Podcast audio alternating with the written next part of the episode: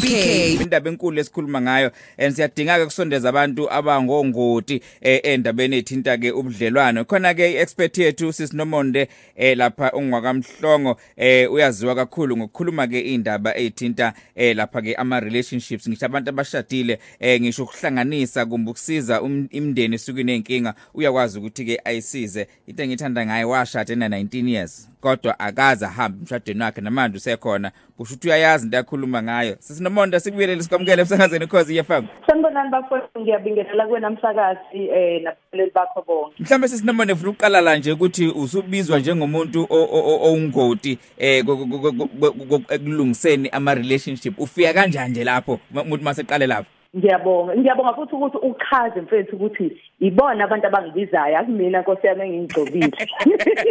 Kuyinkinga nalokho. Cha no no. Ibona abantu abashoyo. So yeah, so indaba yami ukuthi well firstly in terms of long service ukuthi njengoba ukuthi ubekile ubekile kubalaleli ukuthi ngino 20 years kule ndima in fact in the next 2 months ngithi 21 years Yep, Eh.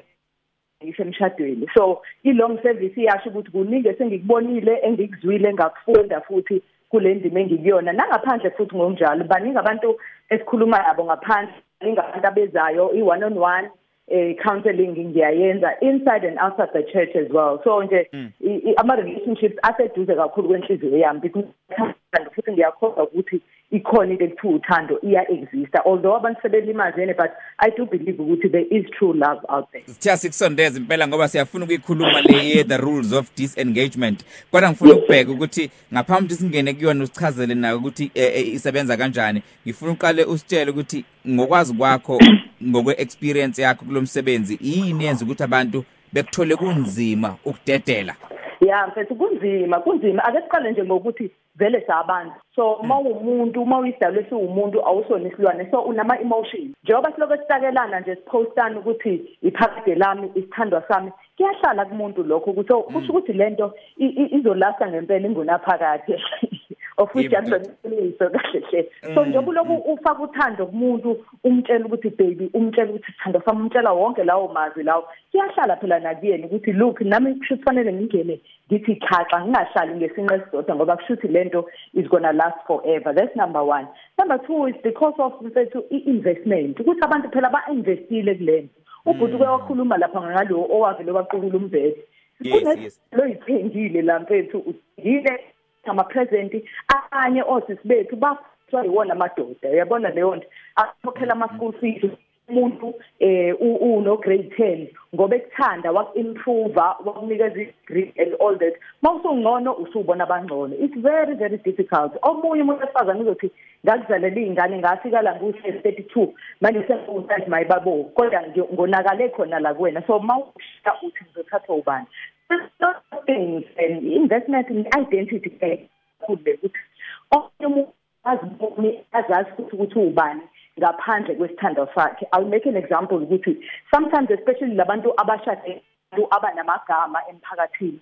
For example inkosikazi ka-businessman. Uyabona ukuthi yileyo nto vele ayaziyo ileyo nto ayiyona ukuthi mina ngunkosikazi ka-businessman. Ubusinessman uma esemshiya kusho ukuthi yena akasazazi ukuthi uyini akaphethe lutho esandleni. Number two abantu mhlambe igenge yethu ukuthi uma mfundisi usuma mfundisi okokoko-ke awufundanga eh awuculi omunye uthi awubhemi awusoli awenzi lutho. Wazi nje ukuthi mina nje nguma mfundisi so in other words mangabe umuntu esethi akasangifuni esethatha le title sekuyazwela mina sekuthi ang- angiphihlize imoto nje yonke into. I don't have into eshoyo ukuthi unomoya ubani ngani ya no ithanda ithanda ukujula kakhulu mayichaza kanje.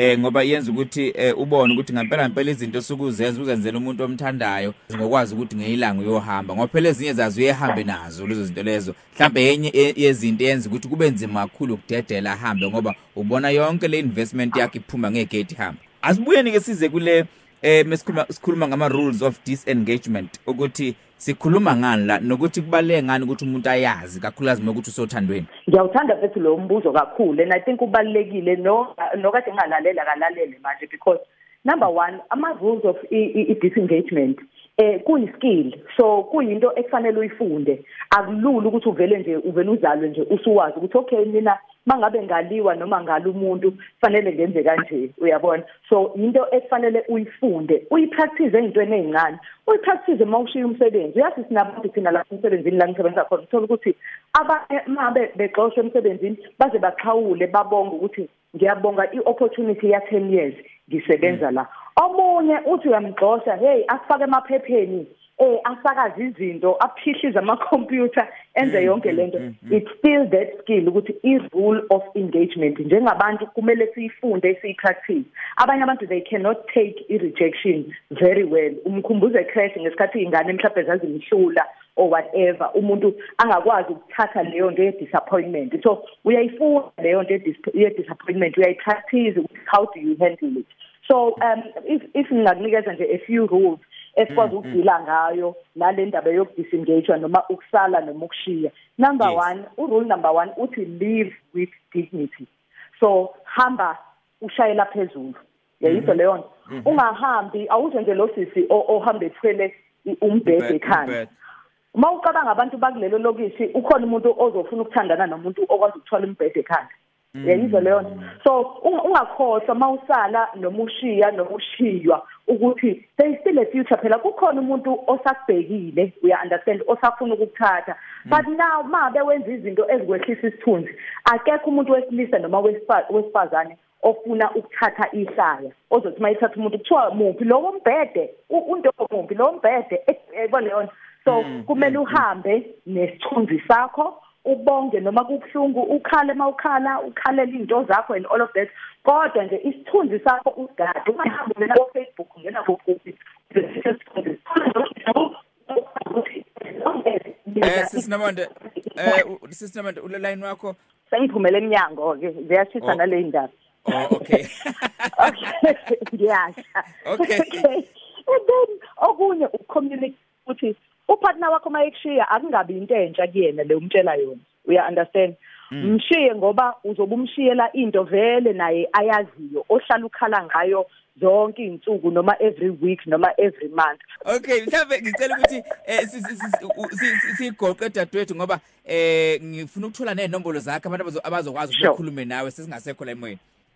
Sure butwana um so ngiyatholakala ku Facebook noma ndemhlongo uphi ku like page lapho uzobona ukuthi khona ama videos khona zonke izinto lapho ngangi inboxa nenkinga yakho sikuphendule. Ngikhona futhi ku Instagram unomonde.mhlongo_dominion ngikhona lapho you can DM me nenkinga zakho. Ngiyatholakala futhi ku WhatsApp u082 557 4108 ayiphinde 082 082 557 557 4102 4102 yes sir. Alright asibakhuza abantu ayikho into emnandi nenhle njengothando kodwa mase kuphuma Nkosi idumo yami. sekubulawana ayi Ah, wa, wa, sithembele wa, kunina wa. sithembele kunina njengo njengongoti ukuthi nisisize BK uzokusetha